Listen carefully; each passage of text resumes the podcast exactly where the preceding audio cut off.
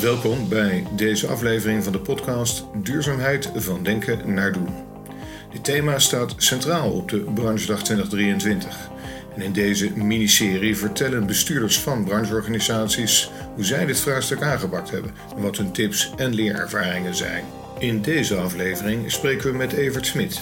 Hij is voorzitter van AFERA, de Europese brancheorganisatie voor de zelfklevende tapesector. Nu we toch met z'n tweeën zijn, Evert, kunnen wij het over duurzaamheid hebben? Ja, kunnen we. Oké. Mag ik je als eerste vragen, echt in minimaal, nee maximaal, vijf zinnen. Ah, Het Avera Flagship project, wat is dat nou eigenlijk? Tape-industrie van heel Europa willen samen, moeten samen eh, duurzaamheid aangaan.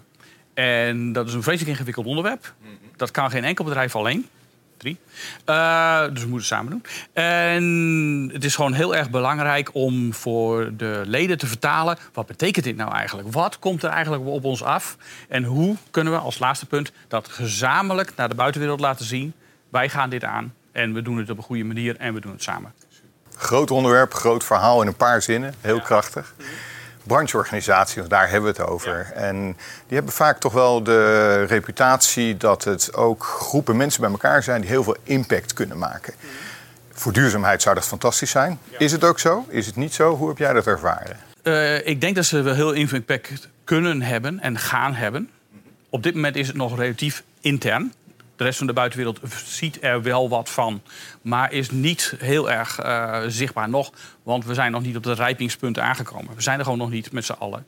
Naar de buitenwereld toe. De buitenwereld toe. Maar intern is het wel heel erg zichtbaar. Het is nu heel duidelijk naar al onze leden toe en de wereld daar net weer buiten. Dus zeg maar de klanten en de leveranciers van de organisatie, van alle leden van de organisatie, is gewoon hartstikke duidelijk dat we ermee bezig zijn, dat we het heel serieus aanpakken.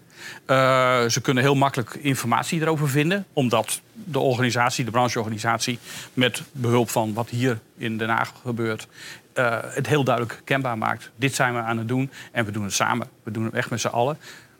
Want het onderwerp is veel te groot voor één klein bedrijf alleen.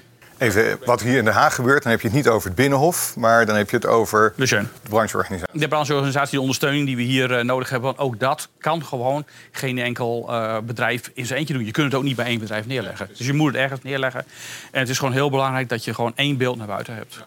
Die, die, die impact, hè? dus intern heb je die impact eigenlijk al gemaakt. Maar verwacht je ook nog dat je als brancheorganisatie gezamenlijke kracht kan hebben om een soort hefboom naar buiten te maken qua impact? Hebben we al gedaan.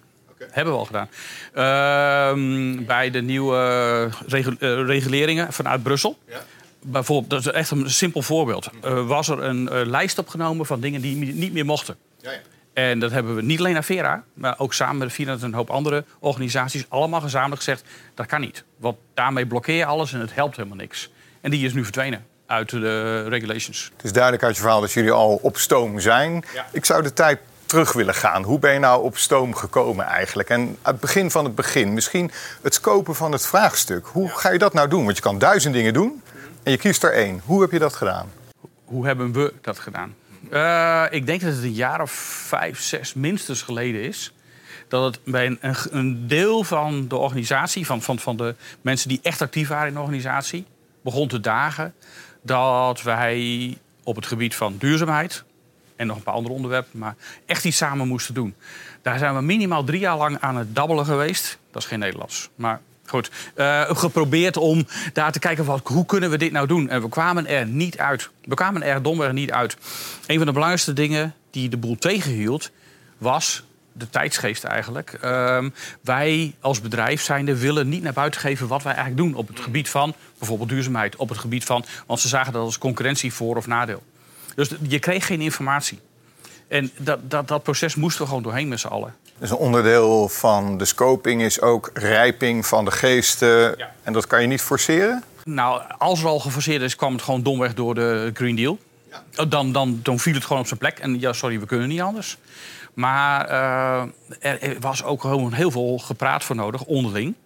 Om het vertrouwen op te bouwen. En uh, voor iedereen om in te zien dat we dit alleen maar samen kunnen doen en dat het niet een nadeel is. En dat ook het doel van duurzaamheid niet is voor een bedrijf, welk lid dan ook, om meer winst te gaan maken. Dat, als dat je doel is, dan ben je verkeerd bezig. En je zet heel veel dingen bij elkaar. Misschien even proberen te ontleden. Bij scoping betekent het dat het rijpen van de geest en klaar zijn een belangrijk onderdeel van de scoping zelf is om hem succesvol te maken? Ja, er zijn, je hebt een aantal processen die naast elkaar lopen. Ehm, kijk, je hebt altijd een paar mensen die vooruit lopen op de zaken. Die weten ongeveer voor hunzelf waar het heen moet. Maar die moeten de rest meekrijgen. Met de rest bedoel ik dan uh, niet alleen de mensen binnen de organisatie, maar zeker ook hun eigen organisatie, hun bazen, hun uh, marketingafdeling, hun uh, technische afdeling. Die moeten ook mee willen. Ze moeten als het ware goedkeuring hebben van de organisatie om hier actief aan te werken. En dat heeft in organisaties tijd nodig. Echt heel veel tijd. Helder. En wat je tevens zei, het antwoord was van... het gaat niet over kosten, maar daar raak je eigenlijk mee. Wat is dan de motivatie voor mensen om uiteindelijk mee te doen... aan de scoping en de adoptie van een duurzaamheidsvraagstuk?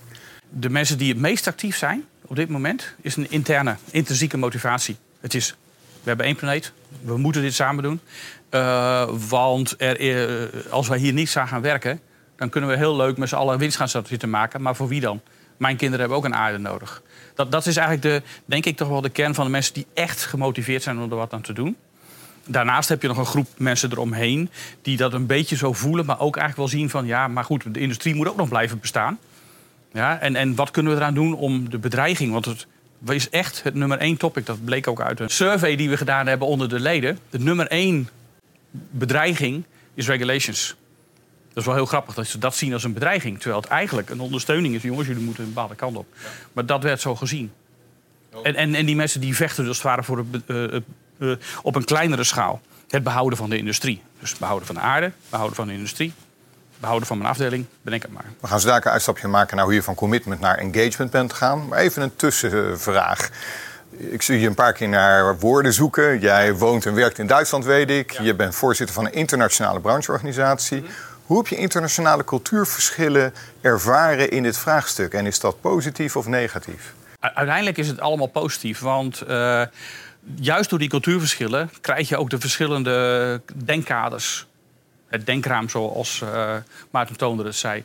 Die verschillen. En die moet je wel meenemen. En je moet er gewoon heel op uh, ja, gefocust wil ik niet zeggen, maar je moet gewoon begrijpen dat mensen van een andere achtergrond komen en andere ideeën hebben, maar nog steeds wel meegenomen moeten worden. Je kunt er niet overheen stappen. Ik kan met mijn botte Hollandse kop in Duitsland wel uh, leuk allemaal dingen gaan lopen proberen te organiseren. Dat gaat niet werken. Als ik dat groter trek naar het leiderschap, als je voorzitter in een brancheorganisatie. Je hebt natuurlijk heel veel petten op. Je bent speler, je bent belanghebbende, je bent een mens met je idealen die je net noemde. Je bent een voorzitter, mensen kijken naar je als voorzitter. Hoe ga je daar als, als leider mee om? Welke tips heb je daarvoor? Uh, voor mezelf, uh, mezelf niet als leider daar neerzetten.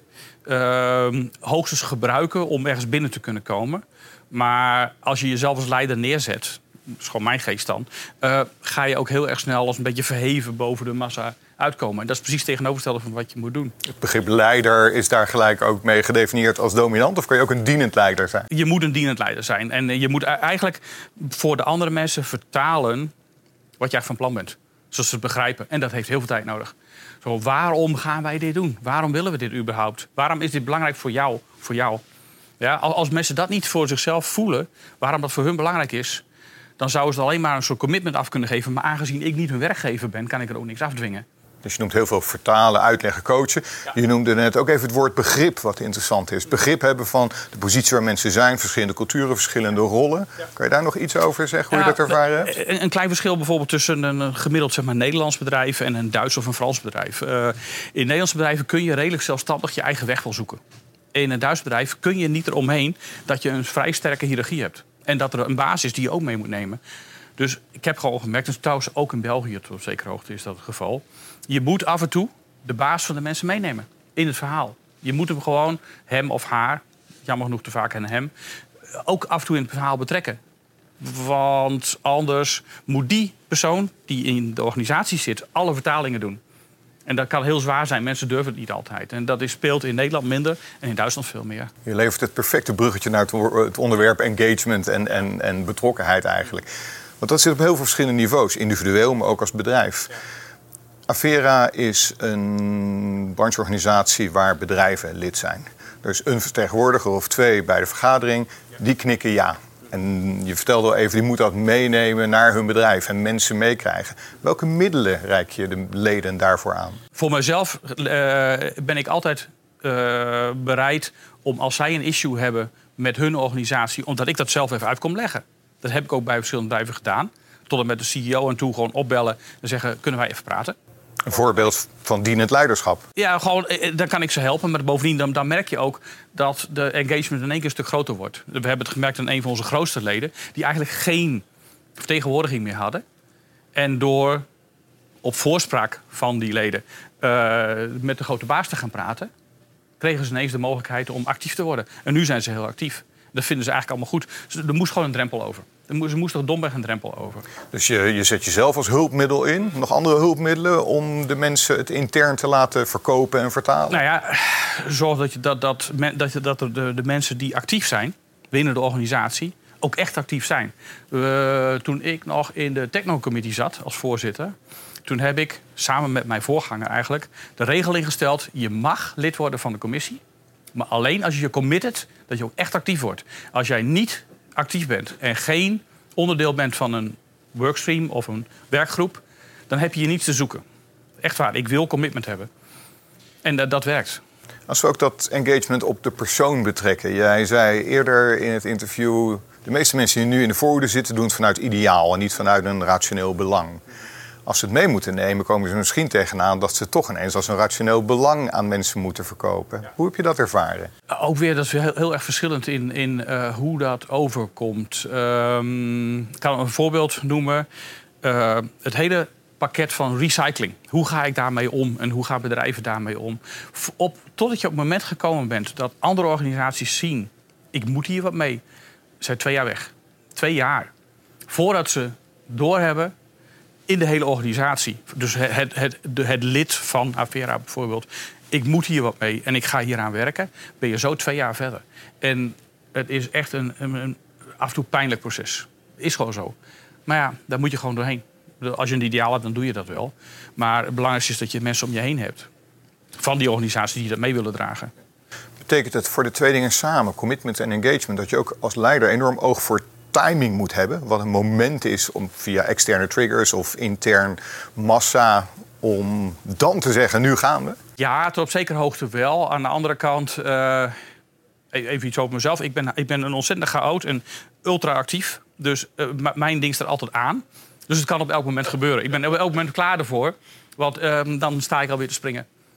En, en, en, mensen weten dat. En op een of andere manier mag dat kennelijk. Dat betekent ook dat je in je leiderschap je persoon heel erg mee kan brengen. Ja, daarom. Maar ik ga daar ook niet omheen. Ik ben zoals ik ben. En iedereen weet uh, zo langzamerhand wel uh, wat voor een type ik ben. En dat ik heel joviaal zijn kan, maar ook heel streng. Maar ook uh, altijd aansta en ook chaotisch ben. Dus dat ik weer andere mensen nodig heb die mijn chaotisme zo een beetje in een boxje stoppen. En dat wordt geaccepteerd, want het grotere doel is... jongens, we gaan hier samen wat moois mee maken. Je zal het zelf niet snel zeggen, maar het betekent ook dat je als leider de credits moet hebben opgebouwd. Dat mensen zeggen: Ik weet nog niet precies hoe het gaat, mhm. maar ik ga wel met je mee. Ja, ja, dat heb je wel op de een of andere manier wel nodig. En ik verbaas me er af en toe wel over hoe dat kan. Dat, dat ze toch meegaan. Ja. ja dat, dat, dat, dat er toch een groep mensen eh, om je heen is. En die je ook. Maar dat is misschien hoe je ermee omgaat. Die groep mensen durven ook gewoon te zeggen: Wat is dit voor onzin? Ja? ja. Hier moeten we even knalhard zijn. Dit gaat nergens naar doen, eh, meneer Smit. Nou, en dat is juist precies goed. En ik denk dat, een, ja, daar, hoe kun je daar als leider dan mee omgaan? Daarvoor openstaan en gewoon accepteren. Natuurlijk maak ik fouten, natuurlijk doe ik domme dingen. Natuurlijk zeg ik dingen die ik niet had, had moeten doen. Is zo. Maar wel sta ervoor open dat iemand dat durft te zeggen. We gaan zo een beetje kijken naar, uh, naar deliverables. Maar nog even hierop uh, op, op doorvragen. Het betekent ook heel erg dat je ruimte creëert voor weerstand. En om die bespreekbaar te maken. Het is heel simpel gezegd. Je kunt geen enkele bocht nemen zonder weerstand. Want ga je altijd maar rechtdoor. Dus die weerstand heb je nodig. Praat ik met een inzier? Ja, nou ja, ja ongeveer. En elf met een beta. Uh, je, je kunt, je, als, je, als je geen weerstand hebt, dan uh, ga je altijd maar rechtdoor. Ja? En je moet die weerstand hebben en die moet je af en toe uitlokken. En die moet je ook actief uitlokken, want heel veel mensen hebben geleerd om, zeker naar boven toe, en dat heb je vooral in hiërarchische organisaties, hiërarchische landen, veel sterker. En dat is dan bij mijn voordeel dat ik zo in Duitsland woon en werk en dat gewoon elke dag ervaar. Uh, je moet de mensen zover krijgen dat ze weten dat het oké is om weerstand te bieden. En dat je daarmee verder komt samen. Want ik heb maar één perspectief. Daar komt een ander perspectief bij. En eigenlijk ligt het grotere plaatje, zeker niet hier en ook niet daar, maar ergens. En dan kom je alleen maar door met z'n tweeën een heftige discussie te hebben. En ik vind het fijn om een heftige discussie te hebben. Ah, een heleboel mensen vinden dat heel moeilijk. Voortbedurend op je beeldspraak. Duurzaamheid van denken naar doen is dus ook gewoon geen rechte weg, maar is gewoon een bochtig pad. We weten niet hoe we er komen. Het enige, enige wat, wat we weten is het doel. En dat zijn ook dingen. Mm, ik schrijf af en toe stukjes. En een van de dingen waar ik iedere keer weer op, op hamer. De wereld is niet lineair. Dus je hebt bepaalde managementsystemen die zijn hartstikke mooi lineair. Forget it. De wereld is niet lineair. Je kunt het niet plannen. Ik kan geen roadmap zetten. Ik, heb, ik, ik ben nu hier en nu willen we een roadmap maken naar duurzaamheid. Vergeet het. Want ik weet niet hoe de road loopt. Die, die is er niet. Die moeten we uitvinden met z'n allen samen. Dus wat, wat doe ik? Alsof ik op vakantie ga in, in Zweden. Ik heb geen flauw idee. Ik weet dat ik nu hier ben en ik moet nu daarheen. We gaan gewoon rijden. Ik moet ongeveer daarheen. En we zien wel. Wij zijn allebei van ongeveer van dezelfde generatie. Wij hebben zicht op uh, het eind van onze carrières, althans in het werkzame. Is dit verschillend per generaties? Wij zijn heel erg getraind in definieer je doel en de rechte lijn. Hoe zie je dat verschillend bij generaties? Ah, dat is ook weer toch een beetje cultuurafhankelijk. Uh, ja, er is er op zekere hoogte wel een uh, generatieverschil. Ik vraag bij eens langzamerhand af of dat echt wel een generatieding is. Of dat het toch niet een menselijk ding is. Um, zie het maar zo. Uh, wij kunnen dan wel denken dat wij allemaal verschillend DNA hebben. En dat bijvoorbeeld de meneer in China een echt ander DNA heeft als ik. Dat is domweg niet waar, want jij kunt wel eens een keer een groter verschil met mij hebben dan mijn collega in China. Dat zou heel goed kunnen. En eh, zo moet je het bekijken. Ook al ziet het er anders uit, kunnen we veel meer gelijk zijn dan je denkt. En dat is hier ook een beetje het geval. Uh, je moet gewoon heel erg oppassen waar komt het nou eigenlijk vandaan. En ja. Toch even doorvraagd op die generaties. Twee dingen. Ja. Zijn alle generaties vertegenwoordigd in besturen, werkgroepen en dergelijke? En als er al verschillen zouden zijn, ja. hoe maak je ze productief? Twee vragen. Ja, Zoals gezegd, ik ben momenteel aan het omdenken. Ik vraag mij af of ik in generaties moet denken. Ik denk het eerlijk dat ik eerder in instelling moet denken. En je ziet gewoon een groep, twee instellingen. Als ik naar generaties kijk, heel, dat kun je heel simpel meten. Dan zie ik een bimodale verdeling. Ik ben een beta, dus zoek het op, zou ik zeggen. Wat is dat, een bimodale verdeling? Maar goed, je ziet dus twee groepen. Uh, de, de, de, de grijze witte mannen, mijn generatie, mijn groep. En een grotere groep jongeren, die veel diverser is. Veel meer vrouwen erin. Uh, en ja, die denken tot op zekere hoogte wel anders. Dat is wel zo. Er zit een verschil in. Maar ik zie een nog groter verschil. Ook een bimodale verdeling tussen een grote groep mensen die ah, passief zijn, maar wel mee willen werken. Ja, ze zijn wel zwaar passief, maar ze moeten verteld worden. We gaan dit doen en ja, is goed. En dan gaan ze meewerken. Super nuttig, want er moeten een heleboel kleine roddingen geregeld worden en dingen opgezet worden. En je hebt een kleinere club, maar die heeft ook zo'n piekje. Je hebt mensen die hebben een ideaal en die willen ergens heen. Maar die hebben dan weer niet de, de middelen in, in zichzelf.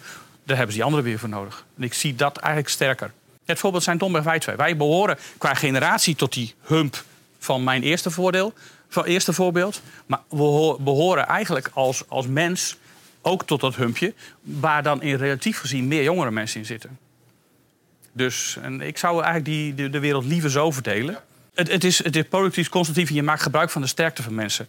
de, de, de meer creatieve uh, mensen met idealen, die zijn vaak niet zo goed in het uitvoeren. Dus die zijn heel goed in het starten. Je hebt, dat heb je dan wel. Je hebt starters. Ik ben een typische starter. Ik ben absoluut geen finisher. Dat zal wel. Het is mooi, maar dat kan ik helemaal niet. Dat is gewoon niet mijn ding. Zeg je daarmee, je moet ook oog hebben binnen zo'n hele grote groep mensen van wie zijn de denkers, wie zijn de doeners, wie zijn de starters, wie zijn de uitwerkers, ja. dat soort profielen onderkennen. Ja, je moet het inderdaad onderkennen. Dat moet je in werkgroepen ook hebben. En daar hebben we in het verleden af en toe wel eens mee, uh, gezeten. Als ik nu de Avera nu vergelijk met zeg maar 20 jaar geleden, toen ik het begon, toen vond ik het een hele stoffige organisatie. Eigenlijk, eigenlijk toch wel. Het werd voornamelijk gedreven door technici. En een echte techneuten, bijna aan je stofjas. Die keihard werkte aan mooie uh, systemen om uh, ja, zeg maar, standaarden vast te leggen. Hoe gaan we dat doen? Maar helemaal niet bezig waren met het grotere beeld van ja, in welke industrie zijn we bezig. En dat is enorm veranderd in de afgelopen tijd. Dat eerste stuk moet blijven. Dat moet gewoon blijven. Maar dat is nu mm, op zijn hoogste helft van wat we doen. Het andere deel, wat veel meer aanspreekt en wat eigenlijk voor de toekomst veel belangrijker is, hoe gaan we daarmee om? Hoe kunnen wij dit samen doen? Dat is nieuw. En dat is echt van de laatste drie, vier jaar, denk ik. Ik wil ook meer naar de, de deliverables uh, gaan. Uh, vergeef ons uh, het Engelse begrip daarin. Ja. We praten over duurzaamheid van denken naar doen. Uiteindelijk moet je gewoon doen. Er moeten dingen geleverd worden. Hoe heb je dat beter gepakt, concreet gemaakt, mogelijk gemaakt? We, de, de, de, werkgroep heeft dat voor het grootste gedeelte gedaan. Uh, en, en, die ben ik oneindig dankbaar daarvoor. Die, wat eerste wat zij gedaan hebben, is binnen de groep van leden te proberen te achterhalen waar zitten nou voor de toekomst de pijnpunten. Wat zijn de dingen die we echt moeten oplossen met z'n allen? En waar hebben we best het meeste last van? En dan zie je ook weer een grappige verdeling. Je hebt in een organisatie een aantal hele grote jongens, grote spelers, en een hele grote staart met kleine spelers. Bedrijven. De, bedrijven, ja, ja, ja, bedrijven. En je ziet dat de meeste pijn eigenlijk bij de kleinere jongens zit. Maar wij zijn er voor allemaal. En de eerste stap die gemaakt is, is dat de grote jongens onderkend hebben dat de kleineren hier ook mee moeten. Dus dat zij niet hun eigen doelen voorop moeten stellen. Want zij kunnen het wel zelf regelen. Zij zouden het ook wel zonder organisatie kunnen. Die hebben de man, menskracht genoeg, die hebben genoeg middelen, geld en zo om dat te doen. Maar dat is niet het doel. Want zij, de kleinere, zouden de reputatie van het grote geheel kunnen beschadigen. Door hun eigen weg te gaan. Dus we, nemen, we moeten dit samen met z'n allen doen. Dat was stap 1. En stap 2 was, en wat hebben we dan nodig? En dan kom je bij ja, hele standaard dingen als standaarden. Wij moeten dit op dezelfde manier doen. Een van de, hm? ja, een van de allerbelangrijkste dingen is bijvoorbeeld... hoe maak ik hard dat ik duurzaam ben? Dat is een van de hoofdpunten ook binnen het flagship project. Hoe maak ik hard dat ik duurzaam ben? Hoe kan ik tegen de wereld nou vertellen, zonder greenwashing... ja, maar ik ben echt duurzaam. Daarvoor moet je rekenmodellen hebben... die door iedereen geaccepteerd worden, die gevalideerd zijn... en die voor iedereen beschikbaar zijn, open alle leden dat dan. Hè. Niet, niet voor de rest van de wereld allemaal, want het kost wel hartstikke veel geld. En dat hebben we nu opgezet. Dus nu hebben we een systeem opgezet uh, om een berekening te kunnen maken. Hoe duurzaam zijn we? En dat hebben we heel onlangs nog een keer breder getrokken. We kwamen erachter dat een, zeg maar een Duitse zusterorganisatie precies met hetzelfde bezig was. Dat is eigenlijk idioot. Dat moet je niet doen.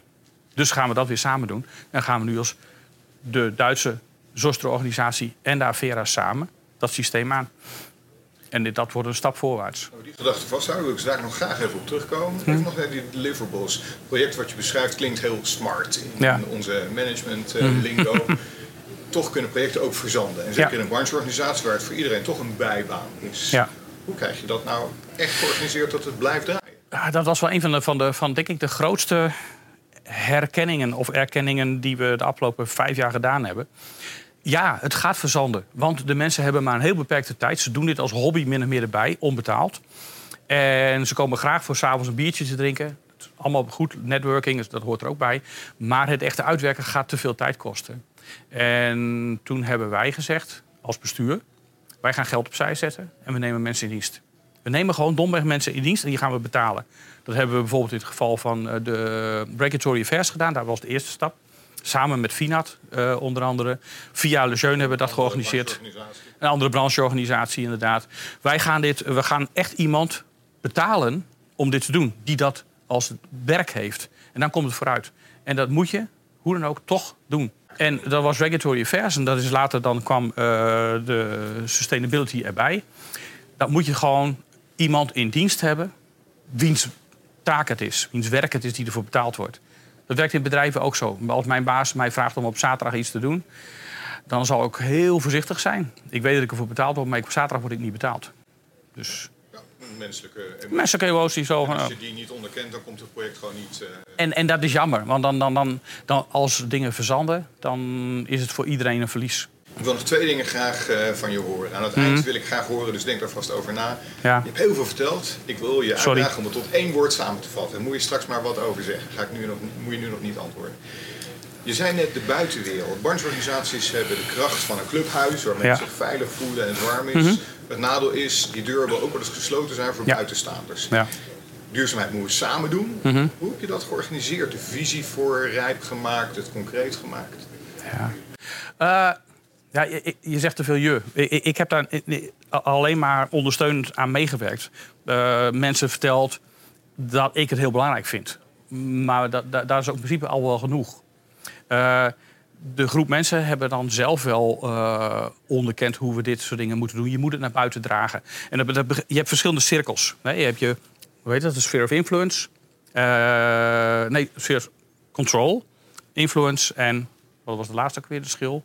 Uh, nou, maakt niet uit. Je begint gewoon met degene wat je zelf kunt controleren. Waar, waar, je zelf in zit. Je eigen organisatie, je eigen bedrijf waarvoor je werkt. Als je daar al uh, genoeg tractie hebt, dat men begrijpt dat het werk wat de actieve leden in de organisatie stoppen, heb je een hoop gewonnen. De volgende schil is dat je ook andere organisaties en bijvoorbeeld de overheden laat zien wat je aan het doen bent. Je moet dat actief communiceren. Dus je moet een mooie website hebben. Je moet uh, materiaal hebben om te laten zien aan de buitenwereld. Ik ben daarmee bezig. En je moet vooral ook actief aanwezig zijn. Een van de regulatory projecten die we hadden een paar jaar geleden. Daar zijn gewoon een aantal leden van de organisatie. Ik geloof zelfs twee keer naar Sevilla geweest. Om met de EU te gaan praten. Jongens, dit moeten we anders gaan doen. En je moet er echt actief aanwezig zijn. Ik hoor je hele verhaal een heel aantal sleutelwoorden. Actief, open, transparant, communiceren ja. enzovoort. Dus ik jou vraag, één woord. Dit ja. hele verhaal samenvangen. Wat is de sleutel? Het zijn vijf letters samen. Dat is echt waar. Dat is de sleutel. Je moet echt beseffen, je kan dit niet alleen. Je moet het niet alleen willen. En het is niet voor jou. Het is voor ons. Ja, dus het is niet... Het, de, de brancheorganisatie mag... Echt waar, dat is mijn, mijn heilige geloof. En ik geloof niet, maar een brancheorganisatie mag er niet voor zijn om de, de profitability van een bedrijf te vergroten. Of de groei van een bedrijf te vergroten. Dat is niet het doel van de organisatie. Als dat jouw reden is om erbij te zitten, dan moet je leren omdenken. Nee, wij, er zijn uitdagingen, challenges, die op ons afkomen, die niemand alleen aan kan, behalve de allergrootste.